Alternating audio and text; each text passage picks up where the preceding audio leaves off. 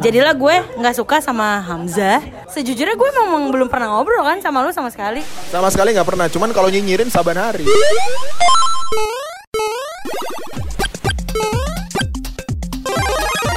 Empok susu.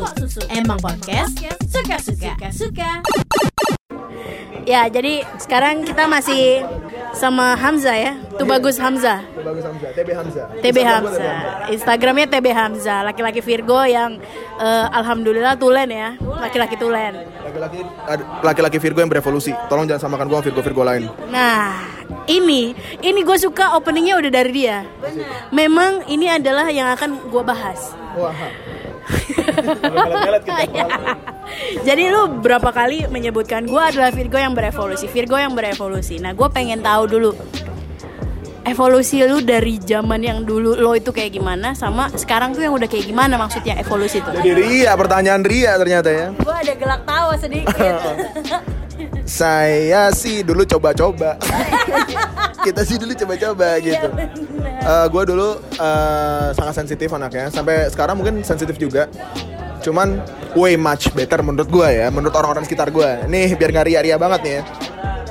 Terus juga angkuh. Oh sombongnya total. Jujur total.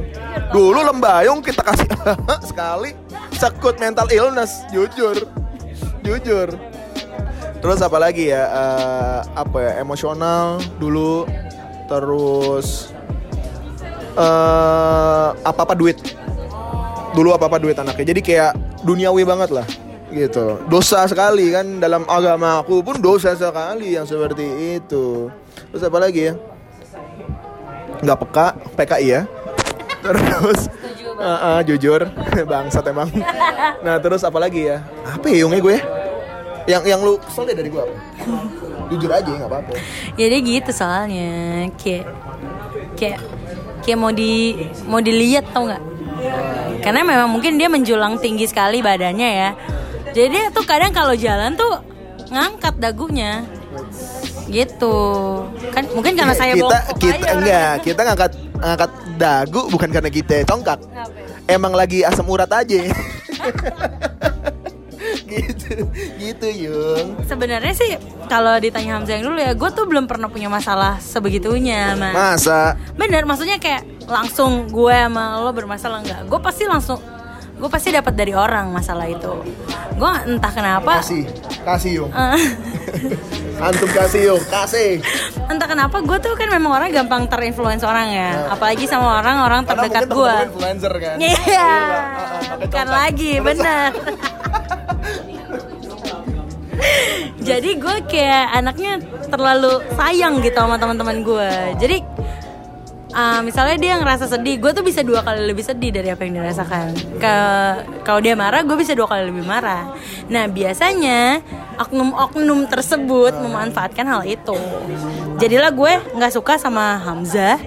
Sebenarnya karena uh, cerita dari orang. Sejujurnya gue memang belum pernah ngobrol kan sama lu sama sekali. Sama sekali nggak pernah, cuman kalau nyinyirin saban hari. Saban. Saban. Dari Saban sampai Merauke. Wah, Sabang anjing. Setiap ketemu satu kelas tuh pasti kena tuh Hamzah dinyinyirin. Asli asli. Atau dia lagi jalan atau ke mana pasti kena juga.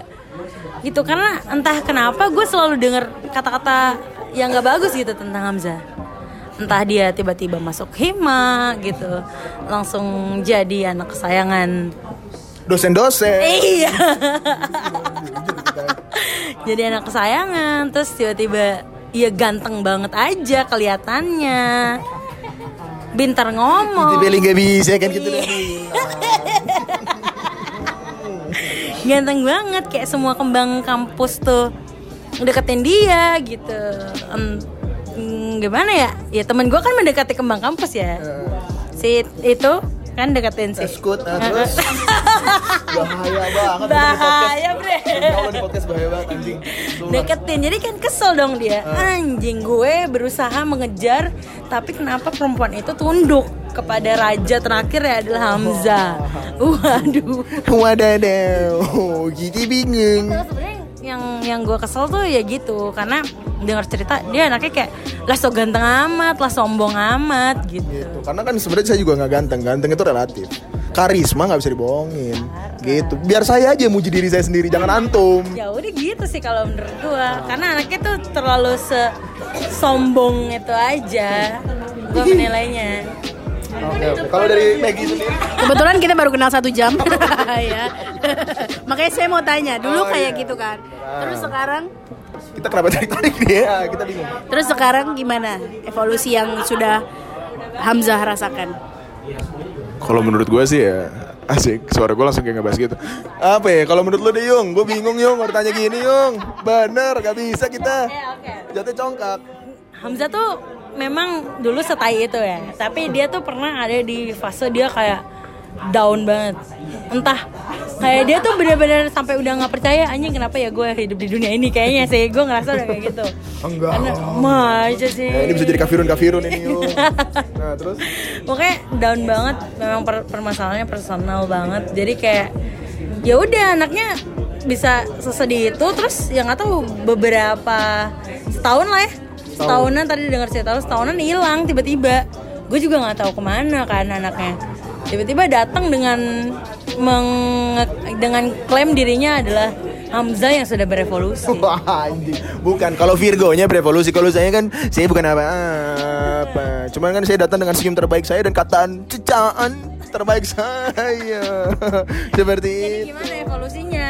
Gue kan gue kan ada di tidak ada di fase lo berevolusi. Mungkin gue ada di fase lo lagi pas lagi jatuh terus lo cerita. Nah gue berhenti sebenarnya di fase itu. Pas lo hilang kan gue juga nggak tahu ke mana. Yes. Lo nya hilang atau ke mana? Tiba-tiba video call gue lagi kantor. Weh udah hidup orangnya. Gue kasih lihat bisep-bisep gue yang lagi tidur Waduh sombong tetap sombong Gitu Ya kalau ngomongin evolusi gue apa Gue gak bisa bilangin ya Karena eh, perubahan seseorang itu dilihat dari seseorang Bukan dari gue Kalaupun Siap.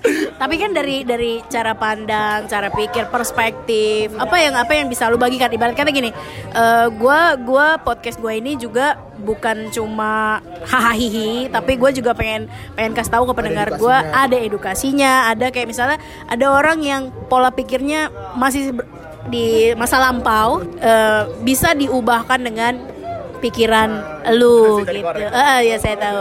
Dengan pikiran lu gitu kira-kira. Nah, Apa gitu? Apa? Mungkin tinggal dikasih pertanyaan apa apa yang apa pertanyaannya apa mungkin gue bisa bantu karena bukannya kita sombong kita ada sorry minta maaf kasihan Nggak apa-apa, saya suka, saya Oh, suka iya. memegangnya. Ah. wow Kebetulan, kebetulan ini saya mau kayak mantan Najwa ya. Eh, langsung anda jawab saja, Fadlizon. iya Ya kalau berkita sih mbak ya Suaranya jadi begitu kayak flukcuk Nggak kalau misalnya gue uh, Gue sempat Gini deh gue sempat berantem sama Bukan berantem ya lebih sedikit agak tensinya agak naik sama saudara gue psikolog. Karena gue suka bilang sama dia kalau gue bisa berempati. Cuman dia nggak percaya masalah itu. Ya jadi gue kayak ya gue mau marah juga buat apa ya gitu kan. Jadi biarin orang-orang yang sudah bercerita atau mungkin ya gue sebutnya aduh gue congkak banget demi Allah. Apa bor? Ini gini, lihatnya gini, bukan masalah congkaknya. Tapi baik lagi eh, edukasinya untuk pendengar pendengar-pendengar Empo Susu yang adalah 17 orang aja. 17 orang juga saudara dia 10, saudara gue 3. oh iya Jadi empat orang ini orang luar. Nah dari empat orang ini cobalah dibantu gitu misalnya. ya empat orang ini kayak apa sih kenapa sih dia bolak-balik bilang dia dia berevolusi dia berevolusi tapi apa nih apakah cara pandang lu perspektif lu gimana cara melihat simpelnya cara cara lu melihat dunia ini apa sih Eh boleh nggak sih? Gue berak. Iya anjing penting banget dong bangsat ya boleh silakan deh kalau begitu. Ini kita lanjut lagi nih ya. Gue mungkin gini gini. Gue sebut orang yang udah cerita sama gue itu klien Asik Biar kelihatan sedikit ada sesuatu lah dalam hidup gue Alhamdulillah banyak orang yang udah cerita sama gue Banyak orang yang Ada yang benar Alhamdulillah ada yang benar Ada juga yang tetap Ya begitu aja dengan masalah-masalah yang sama gitu Cuman eh Gue terlalu berfokus ke orang Sampai suatu hari Gue punya Ada orang yang paling gue sayang lah pada masa itu. Gue gak bisa sebut namanya. Yang gue selalu Selama ini sih gue mungkin denial kali ya Sama apa yang dia omongin gitu. Dia pernah ngomong gini sama gue eh Lo tuh Orang yang Apa ya Lo tuh terlalu berfokus pada orang lain Sampai lo tuh lupa sama diri lo ibaratnya kayak gue lupa kalau gue punya jiwa. Lo tuh adalah orang yang selalu ngebuat apa ya maksudnya kayak lu fokus ke orang lain. Lu mencoba merapikan hidup orang lain sampai lu lupa lu punya jiwa lu punya kehidupan. Maksud gua adalah bukan berarti eh lo nggak boleh namanya mengurus apa lo nggak boleh berfokus sama orang lain juga gitu. Maksudnya lo harus egois sama diri lo sendiri. Egois belum tentu semuanya itu negatif ya mungkin maksud dia adalah dengan gue egois ke diri gue sendiri someday ketika gue berhasil dengan kedua kaki gue gue bisa ngebantu orang-orang yang ada yang gue sayangin di sekitar gue kayak gitu loh. Jadi maksud dia adalah egois yang positif.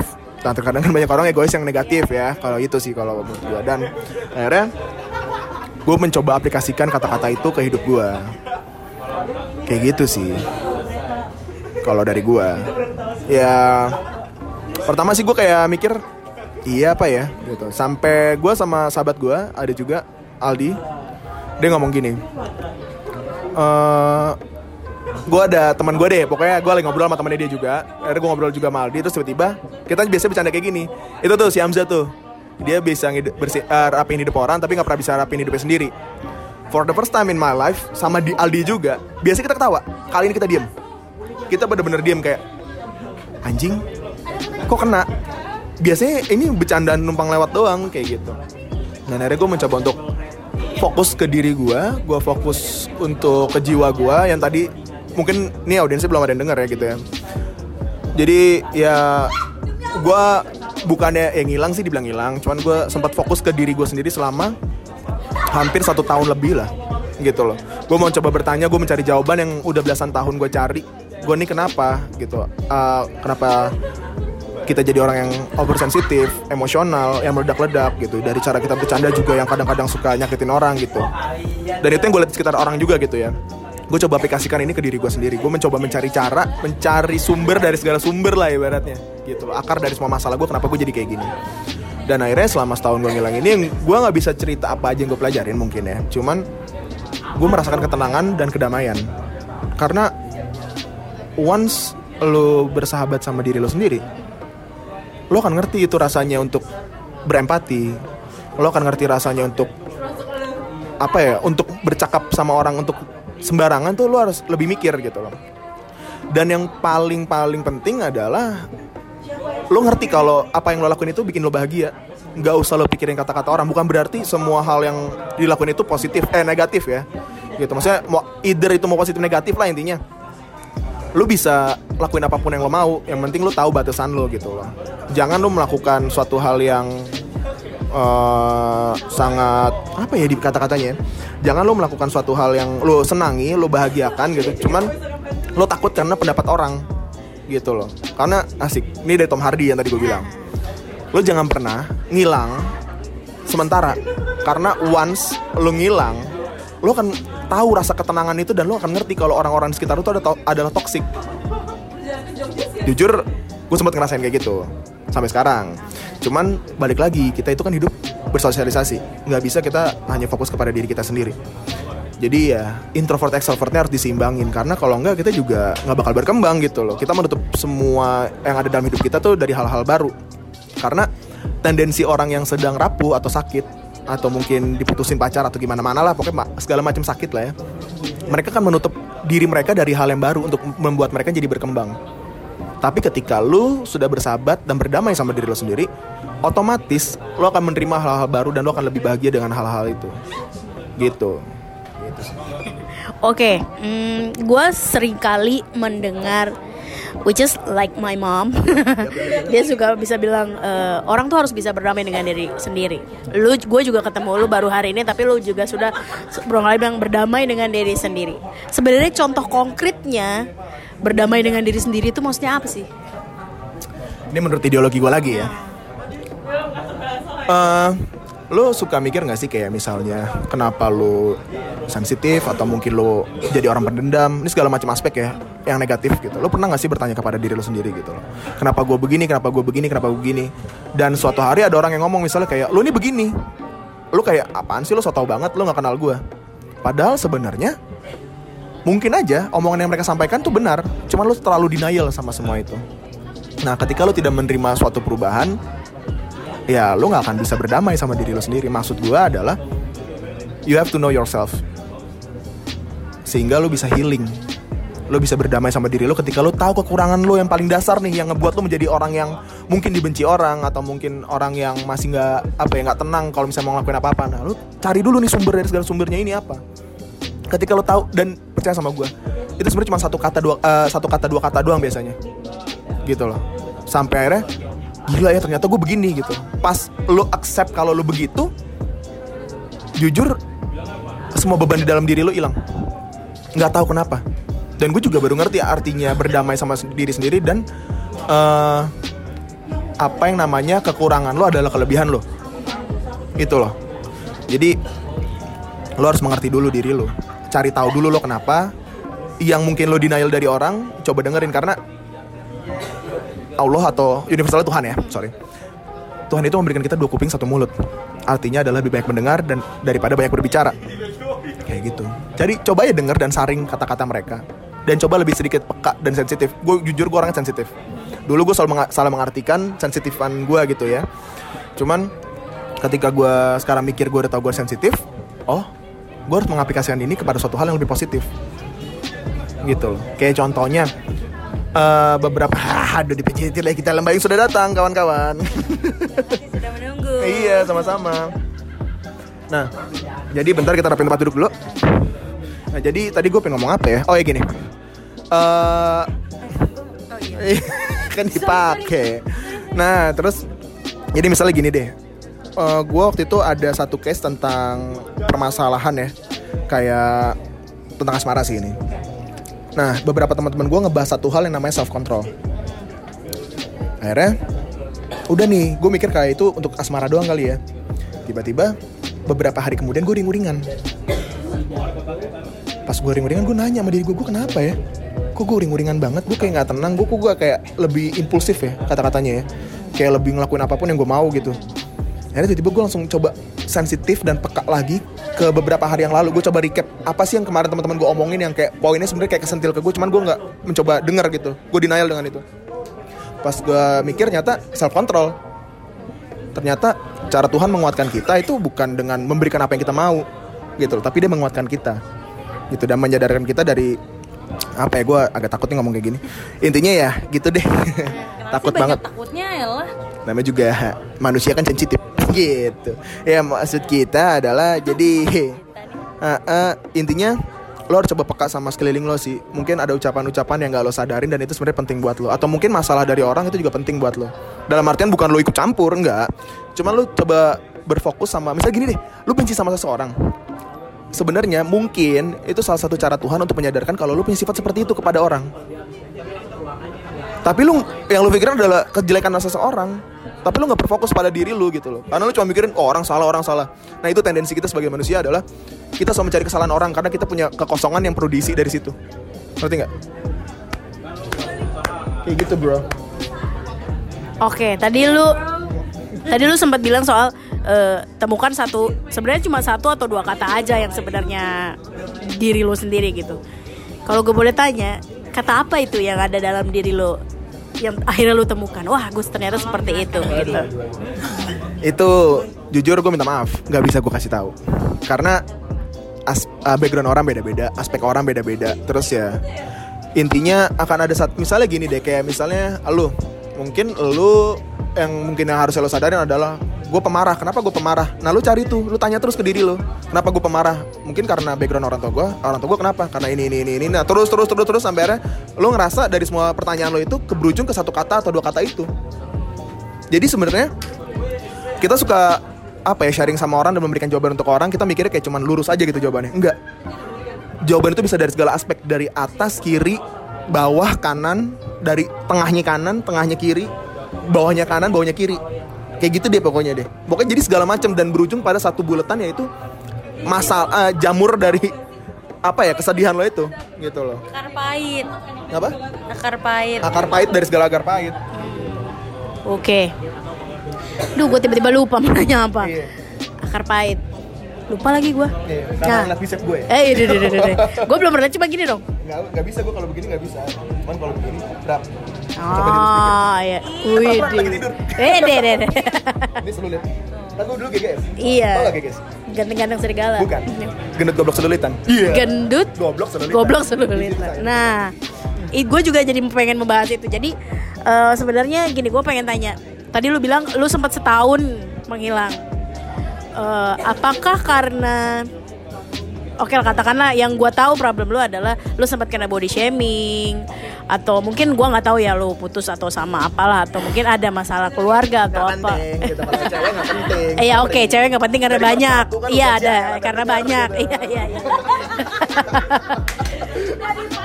Eh, eh, Iya iya iya. Karena banyak gitu ya ceweknya. Nah tapi eh, sebenarnya kan diulang lagi Oh, kita iya, bold. Iya. Sebenarnya yang yang membuat lu memutuskan gue harus Hut. Ntar dulu deh nih buat semua orang yang ada di sekitar gue ntar dulu deh. Sebenarnya apa apa sih yang bener-bener kayak sekarang nih saatnya gue hilang dulu deh. Apakah karena lu memang mau membentuk bicep lu tadi gitu atau mau apa gitu? Eh, gini kalau gue gue mikirnya gini sih masalah body shaming dulu ya jujur gue awalnya kesel kayak kita kan kasih senyum terbaik kita ke orang. Tapi di dalamnya kita kayak anjing dah tolong dong kita juga lagi ada mungkin mental illness kita lagi breakdown kita orang nggak tahu kan. Nah terus gue pertama kesel sama body shaming apalagi pas ada hukumnya tuh. Wah gue seneng banget kayak anjing gila. Berarti dengan ini gue bisa membicarakan orang-orang yang bacotnya kayak tai. Wah seperti itu kan. Tapi makin gue pas gue ngilang gue malah mikir kayak gini. Body shaming sorry kasarnya adalah tolol. Kenapa lu dikasih tahu sama lu berbuat sesuatu pada diri lu sendiri. Orang ngatain lu lu marah. Buat apa? Kal maksud gue adalah kalau berdamai sama diri lu sendiri kalau lu menghargai dan menyayangi diri lu sendiri lo tahu misalnya alis gue ketebelan badan gue kegendutan selulit gue banyak banget terus dikatain sama orang lu nggak marah ya itu suatu hal plus banget yang bisa lo lakukan sebenarnya. Karena body shaming itu ada karena lu yang memberikan target lu makanan ngerti nggak? Eh sorry bukan memberikan target lu makanan, lu ngasih anjingnya ini buat lu ngasih makanan buat si anjing ini deh. Ibaratnya kayak gitu, ngasih celah gitu. Tapi kalau lu menghargai diri lu kayak gila, gue punya selulit, gue punya ini gini gitu. Terus ada orang ngatain lu kayak gol gue case-nya Ivan Gunawan lah. Terus apalagi pernah Indah Bekti pas gue kekurusan anjing. Iya, sumpah. Terus apalagi macam-macam deh. Pokoknya kata-kata orang tuh nyakit-nyakit banget sampai nih ya. Pas gue ngepost foto tergendut gue, pas gue baru muncul lagi.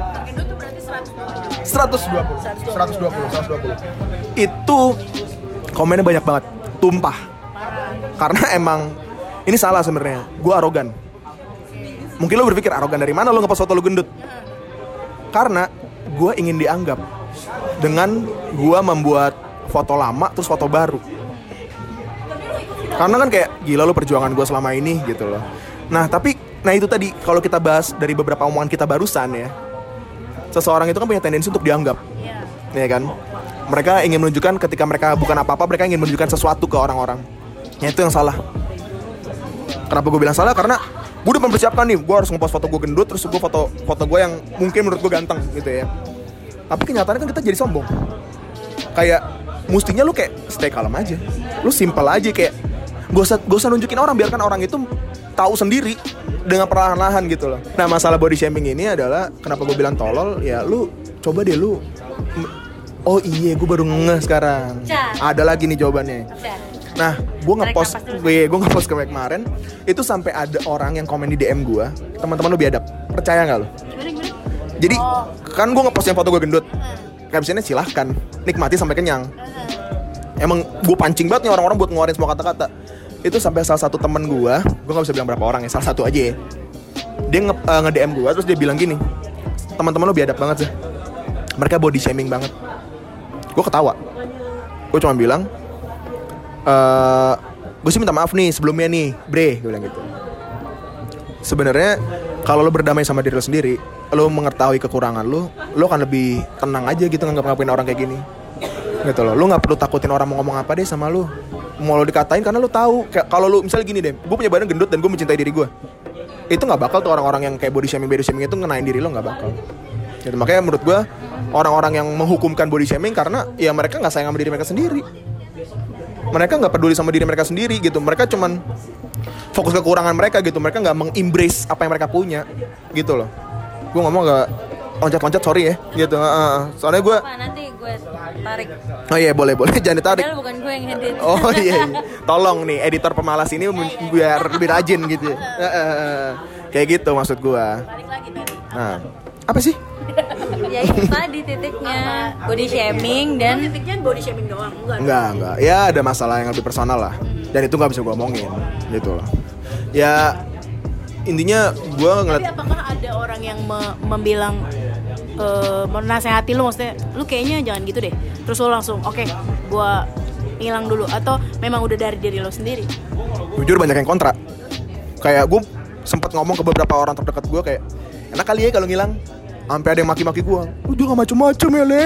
Lu jangan aneh-aneh le. Lu jangan bikin orang kepikiran gitu-gitu. Sayang. Asli asli gue bilang kayak "Eh, kenapa kepikiran gitu-gitu kan. Antum kan cowok. Iya.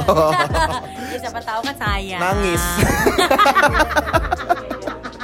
nah terus akhirnya ya gue ya apa ya gue mencoba untuk gak mikirin orang-orang deh gue bener-bener pengen fokus ke diri gue gitu sampai gue nggak ngepost sampai gue nggak story gitu-gitu gue peduli setannya dengan itu gue mengontrol diri gue dari gue nggak terlalu main sama sosmed gitu-gitu karena somehow ya toxic juga. Makanya tadi balik lagi ke posan gue nah kenapa gue bilang gue arogan? Karena itu gue ngepost foto lama gue terus gue pengen ngepost foto baru gue biar gue dipuji-puji. Men itu salah. Gitu loh. Mungkin akan terdengar ih ini si Hamza kagak malu apa ngomong kayak gini? Kagak ini proses gue gitu loh. Karena bukan berarti gue salah gue terus-terusan salah gitu enggak.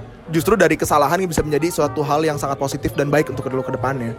Kayak begitu. Makanya sekarang gue kayak ya deh gue mau ngepost macem-macem juga takut-takutan. Terus kayak bukannya gue enggak oh kan lu bisa aja dong langsung gini gini gini gini. Ya mas gue chill aja bro. Biarkan orang-orang itu yang tahu sendiri ketika melihat kita. Nggak perlu ditunjukkan deh. Pokoknya apa pun gini lu punya pekerjaan apa lu lagi ngapa-ngapain nggak perlu lu tunjuk-tunjukin banget gitu. Santai aja. Kalau mau tunjukin boleh. Cuman niatnya dulu tuh. Karena sumpah ya gue entah kenapa kalau niat lu aja udah salah pas lu mau ngepost otomatis pasti netizen netizen bakal berkomen kayak anjing banget nih orang.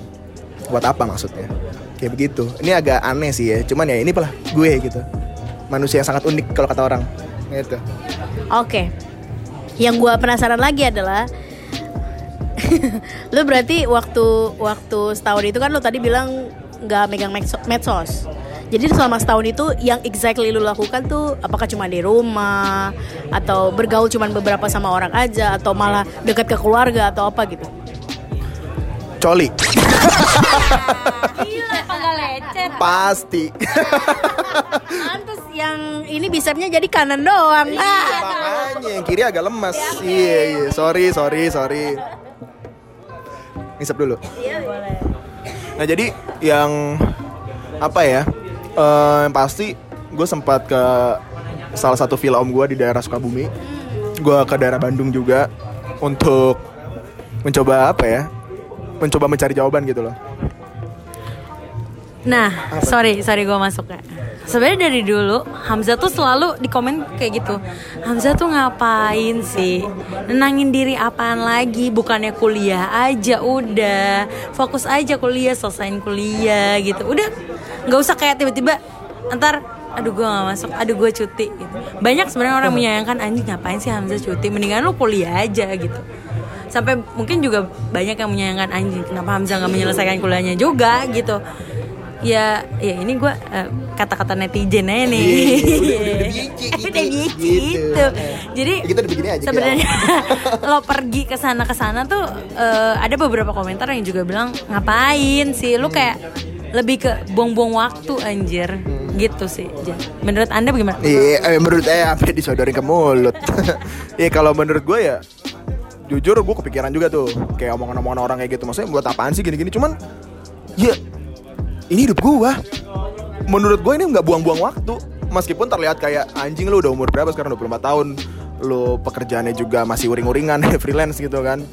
Cuma menurut gue mana ini proses gue gue tahu mana yang gue butuhin.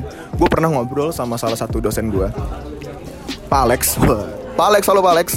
Nah ya kan gue ngomong sama dia Dan gue bilang Eh, eh gue bilang gue mau cuti. Terus dia menyayangkan Kayak Karena apa kamu? Karena gini loh Dari awal gue ketemu dia sih gue ngerasanya eh, Dia agak sedikit Maaf Pak Alex. Maksudnya Pak Alex agak sedikit ngeliat gue sebelah mata. Gitu. Sampai akhirnya Gue nunjukin Sifat terdalam gue yang asli ke dia. Sampai akhirnya mungkin ada sedikit perubahan pola pikir di dalam diri dia gitu ya. Ya betul. Tapi itu wajar kok maksudnya orang lihat sebelah mata itu wajar ya.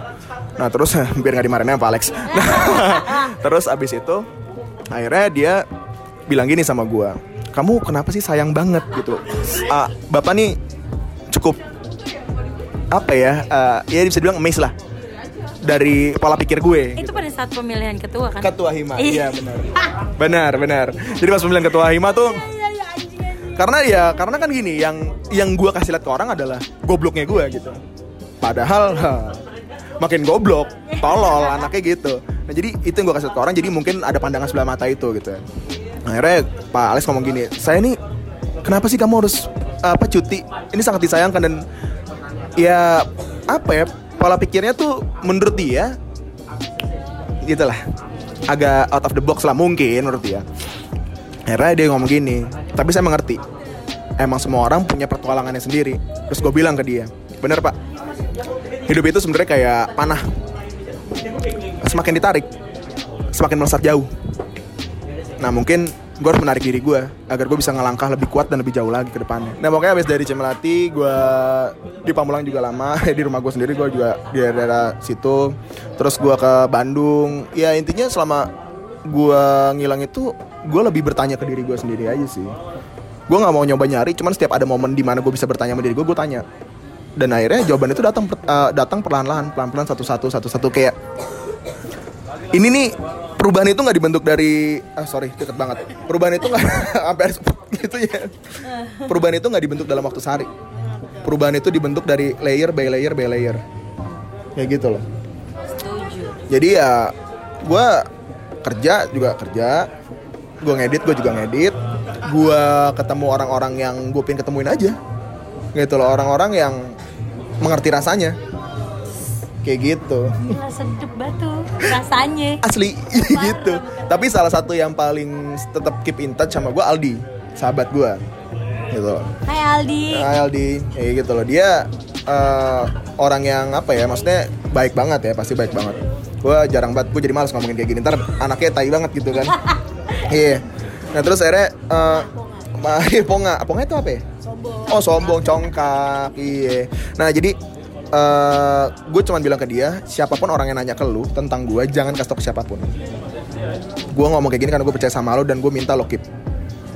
Gitu. Ya Aldi juga sempat marah lah yang kayak aduh gue ribet nih ditanyain orang gue mau ngepost juga jadi nggak bisa gara-gara lu gitu. Cuman tolong ngertiin gue itu aja gue minta.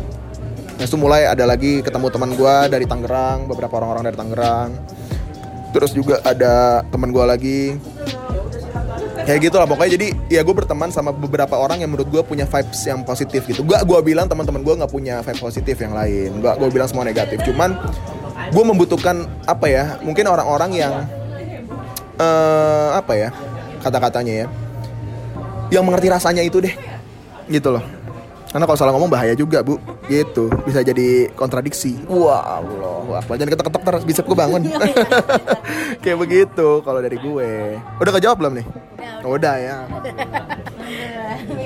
Eh boleh, nanya lagi boleh ya, Bakri. pada saat pada saat proses itu setahun itu orang tua lu tahu. tahu. Gue minta izin. Sumpah gue minta izin ke nyokap bokap. Gue bilang Bun Abang kayaknya akan jarang kerja Abang ngebutuhin waktu aja sebentar aja nih. Berapa lama? Setahun ada kali bilang kayak gitu kan. Asli. Ya jujur ya namanya gue udah umur segini gue pasti malu lah Kayak misalnya masih minta ke orang tua gitu. Cuman ini gue gambling banget sih Karena gue gue membutuhkan ini ngerti gak? Gue gue ngebutuhin kedamaian dari, dari diri gue sendiri Gitu loh.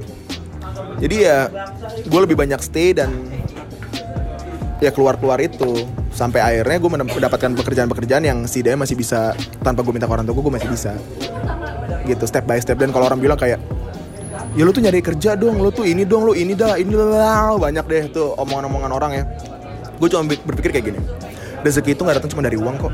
Dari orang-orang yang sayang sama gue aja itu dari rezeki. Dari gue punya kesehatannya itu dari rezeki gitu loh. Dari gue masih bisa bernapas dengan enak padahal gue ngerokok itu dari rezeki banget buat gue cuman orang itu terlalu apa ya berfokus pada kebahagiaan itu adalah uang. Kebahagiaan itu bukan uang kebahagiaan itu ada dirimu sendiri. Gitu loh. Boom. Kerasa nggak getarannya kerasa nggak getarannya? Iya. Heeh, bener kita biar nggak awkward aja nih dipuji-puji. Kayak gitu jadi kebahagiaan itu bukan aduh bukan uang sumpah. Gue baru ngerti deh maksudnya kayak ya kita butuh uang nggak bohong gitu. Cuman maksud gue nggak melulu uang. Ya sekarang gini deh lu bisa dapet pacar yang setia itu udah rezeki lu masih punya mantan gebetan yang ngurus lu itu udah rezeki lu masih apa ya lu masih bisa makan warteg makan buah itu dari rezeki intinya rezeki itu dari segala aspek Kayak, jatah mantan enggak pusing Gimana boy? Eh, Jangan mantan boy. Itu eh. masuk including nggak kira-kira pada iya pada saat udah mau uh, berkomitmen mantan lo, Hmm. kemudian dering telepon berbunyi begitu. Jadi teringat. Menyalurkan Aduh. jatah mantan. Apakah itu juga sebuah rezeki begitu? Alhamdulillah suatu rezeki.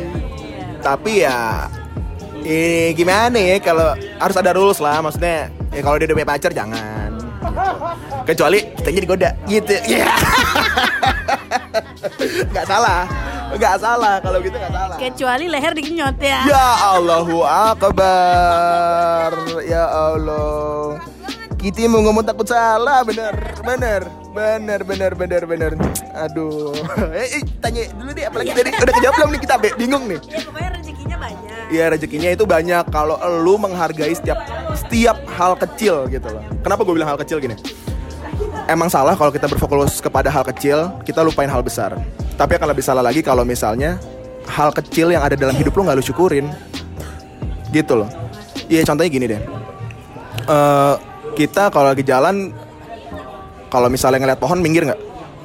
apa ngeliat pohon minggir? Nah, minggir kalau pohonnya di pinggir mah ngapain gue minggir? Eh nggak maksudnya di depan muka kita gitu ya. Oh, sorry anaknya gemini banget nih. Kita eh, iya minggir lah. Minggir kan? Eh. tapi pas lu lagi jalan tiba-tiba suka kepleset gara-gara pasir kecil.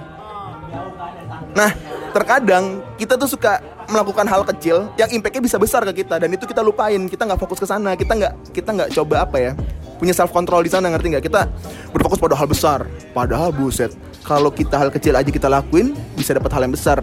Gitu loh. Tapi tapi ya mengutip dari sebuah kata-kata di Alkitab memang. mantap. Mantap. Nggak apa-apa ini kita, kita Enggak ya, tapi ini serius. Kayak memang eh, Tuhan bilang lo tuh harus setia pada hal-hal kecil, perkara-perkara kecil maka akan kuberi padamu apa yang kau minta. itu Seperti itu kira-kira Di Al-Quran pun ada. Baik. apa? Cuman kita nggak tahu. Tapi pasti ada karena emang karena emang ada. Jadi gini, gue baca buku dari Dr. Ibrahim Efliki. Dia membaca, dia menjelaskan tentang kekuatan pikiran. Dia ngebahas tentang psikologi dicampur sama agama. Emang agak unik ya. Dia ngambil dari Al-Quran. Dia bilang gini di surat Al-Rod ayat 11. Tidak mungkin Tuhan mengubah kehidupan suatu kaum jika kaum tersebut tidak mau mengubah dirinya sendiri. Jadi kalau lo berfokus pada gue pengen ngerubah orang tapi lo belum bisa ngerubah hidup lo sendiri, nyong, Ale goblok banget, para gimana gitu. Goblok, goblok, nggak bisa. Lo harus fokus ke diri lo dulu. Yang kecil aja di, lu jangan anggap diri lo besar, anggap diri lo kecil. Karena biar lu kayak kayak tadi kan kayak gue bilang masalah arogan tadi, gue ngapain coba gue pakai pengen banget nunjukin ke orang. Harusnya nggak perlu biasa aja. Kayak gitu. Mungkin akan terdengar, ih iya juga Hamzah ngapain gitu kan. Cuman ya ini mungkin siapa tahu ada orang-orang yang sombong, yang mungkin baru mendapatkan jabatan-jabatan tinggi, mungkin bisa mengerti dari perkataan-perkataan ini. Jadi orang akan lebih kayak menghargai lu dengan lu keep humble, sit down bitch keep humble. Gitu. Duduk anjing betina gitu. Sit down bitch, anjing betina suruh duduk. Iya betul. Nah, kayak begitu maksud gue. oke jadi sebenarnya sih ini eh, Udah kejawab. enggak lah ini sudah kejawab dan gue sudah mentok nih apalagi yang mau gue tanyain Tapi coba aja, siapa tahu ada lagi. Eh, iya. udah mau tutup lagi twin house Oh iya, iya. enggak enggak enggak Nanti pulang dah. Iya. Iya sebenarnya sih gue cuma eh, mungkin Bayu nggak ada yang mau ditanyain dulu baru. Iya. Enggak tadi kalau kalau eh, iya. kalau ada yang mau ditanyain soalnya gue sudah udah minta pesan-pesan nih. Iya. pesan sponsor. Ih, goblok. Apa yang lo pengen tanya? Lo kan lebih kenal gue lama nih, gak sejam. Kenapa lu sayang banget sama gue Dajah? Ya. Saya sayang sama semua orang. Apalagi sama istri orang, pacar orang. Nggak dong, bro before who, tenang aja. Ya, gimana ya? Eh, mungkin ada orang mau berlaku baik lah ibaratnya gitu. Suka mikirin kayak, ntar gue dianggap ini, ntar gue dipikirin, ntar gue nggak dikasih hal yang sama dari orang. Ih, kalau gue anaknya, ih gue lakuin aja apa yang gue suka. Kalau menurut gue baik gue lakuin. Kalau gue sayang sama orang yang tulus aja gitu. Kayak lu pacaran sama pacar lu setiap hari ngomong I love you. Satu hari pacar lu nggak ngomong I love you lo marah. Konyol. Konyol dong. Padahal sebenarnya kalau lo sadarin I love you itu cuma jadi kata-kata bukan suatu hal yang besar yang berimpact besar untuk diri lo. Jadi ya kalau misalnya lu pengen ngomong I love you, ngomong aja I love you. Gak usah dibalas juga lu gak usah marah. Karena itu rasa sejati dari diri lu gitu loh yang lo ingin sampaikan. Kalau lu tanya kenapa gue sayang sama lo men ya gue sayang sama semua orang gue sayang sama lu karena ya apa salahnya sih ngasih apa ya ngasih sayang ke orang gitu loh tanpa harus berpikir mau dapat impact apa pun gitu. Nggak ada salahnya. Lo salah kalau lo mengharapkan sesuatu makanya ketika ada orang yang jahat sama lo misalnya lo udah sayang banget nih sama dia. Dari dulu lo temenan dari segala macam saking sayangnya sama lo sampai lo tutupin dia semua kebusukannya dia. Terus akhirnya suatu hari dia ngecewain lo lo marah besar. Karena lo berharap sesuatu dari timbal balik dia. Jadi sebenarnya nggak perlu lu mau berlaku baik sama orang baik aja udah. Karena yang tadi lagi kita ngomong ah lagi gitu kan. Rezeki itu dari mana aja? Gitu loh kita nggak tahu ntar tiba-tiba Allah ngasih kita dar dapat 60 juta kita nggak tahu. Dar Allah ngasih ini kita nggak tahu. Ya kan? Berlaku baik aja deh. Intinya jika yang lo lakukan baik semuanya akan juga baik ke lu. Kayak gitu apa yang kamu tanam itu yang kamu dapatkan. Kayak begitu. Tapi intinya ketika berlaku baik jangan pernah mikirin apa pun deh. Coba sih kelas mungkin. Gitu loh. Gitu gitu. Gue terlalu ter- terlalu dini nggak kalau gue tanya? Kira-kira ke depan lo bakal ngapain? Lo mas mau nanya hal itu nggak kak? Nggak. Lo kan gue tau lah lo pada masa dahulu kala masa jahiliyah itu. Masa lo down tiba-tiba lo hilang terus lo muncul lagi dengan kata-kata ya katanya sudah berevolusi gitu kan. Memang gue yang berevolusi enggak gue nggak bilang gue Betul. berevolusi. Baik Virgo yang berevolusi. Ya pokoknya jadi pribadi yang jauh lebih baik lah dari kemarin. Nah. terus apa yang mau lo lakuin selanjutnya? Kalau ditanya gitu gue nggak bisa jawab gue anaknya lakuin aja apa yang bisa gue lakuin hari ini. Karena dari setiap kita melangkah pasti ada langkah lagi di depan yang ngasih tau kita lu ke sini aja. Jadi pertanyaannya bukan mau sampai kapan tapi what is your next adventure? Pertualangan selanjut lo apa? Jadi lu nge-challenge diri lu dengan cara yang positif nggak memaksa diri untuk jadi sesuatu yang bukan lu. Gitu aja cila ya jalan aja dulu ngelangkah dulu deh yang penting. Gitu loh. Sedap jujur sedap. Tapi tentang invest masih ingat invest itu apa? Apa yang kita ngebuat Dena?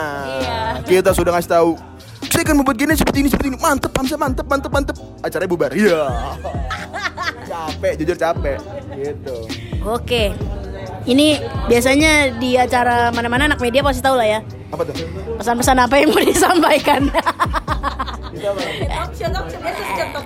Iya, pasti- pesan-pesan apa buat pendengar gitu, buat audiens. Gak usah jauh-jauh lah buat mungkin kalau daripada pesan-pesan buat orang lain, pesan-pesan buat Hamzah aja apa? gini deh dari kita ngomongin pesan untuk orang pesan untuk gue gitu. Ini pesan untuk diri sendiri aja. Jadi orang itu apa adanya. Jangan jangan jangan ngebohongin diri lo gitu loh. Karena lo aja bisa dibohongin sama orang lain gitu loh.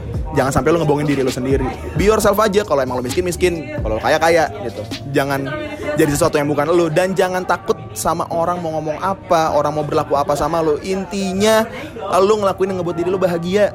Asalkan dalam ranah positif gitu. Dan ya jangan apa ya jangan lupa lo untuk berbagi sama orang. Lo nggak ada salahnya kok.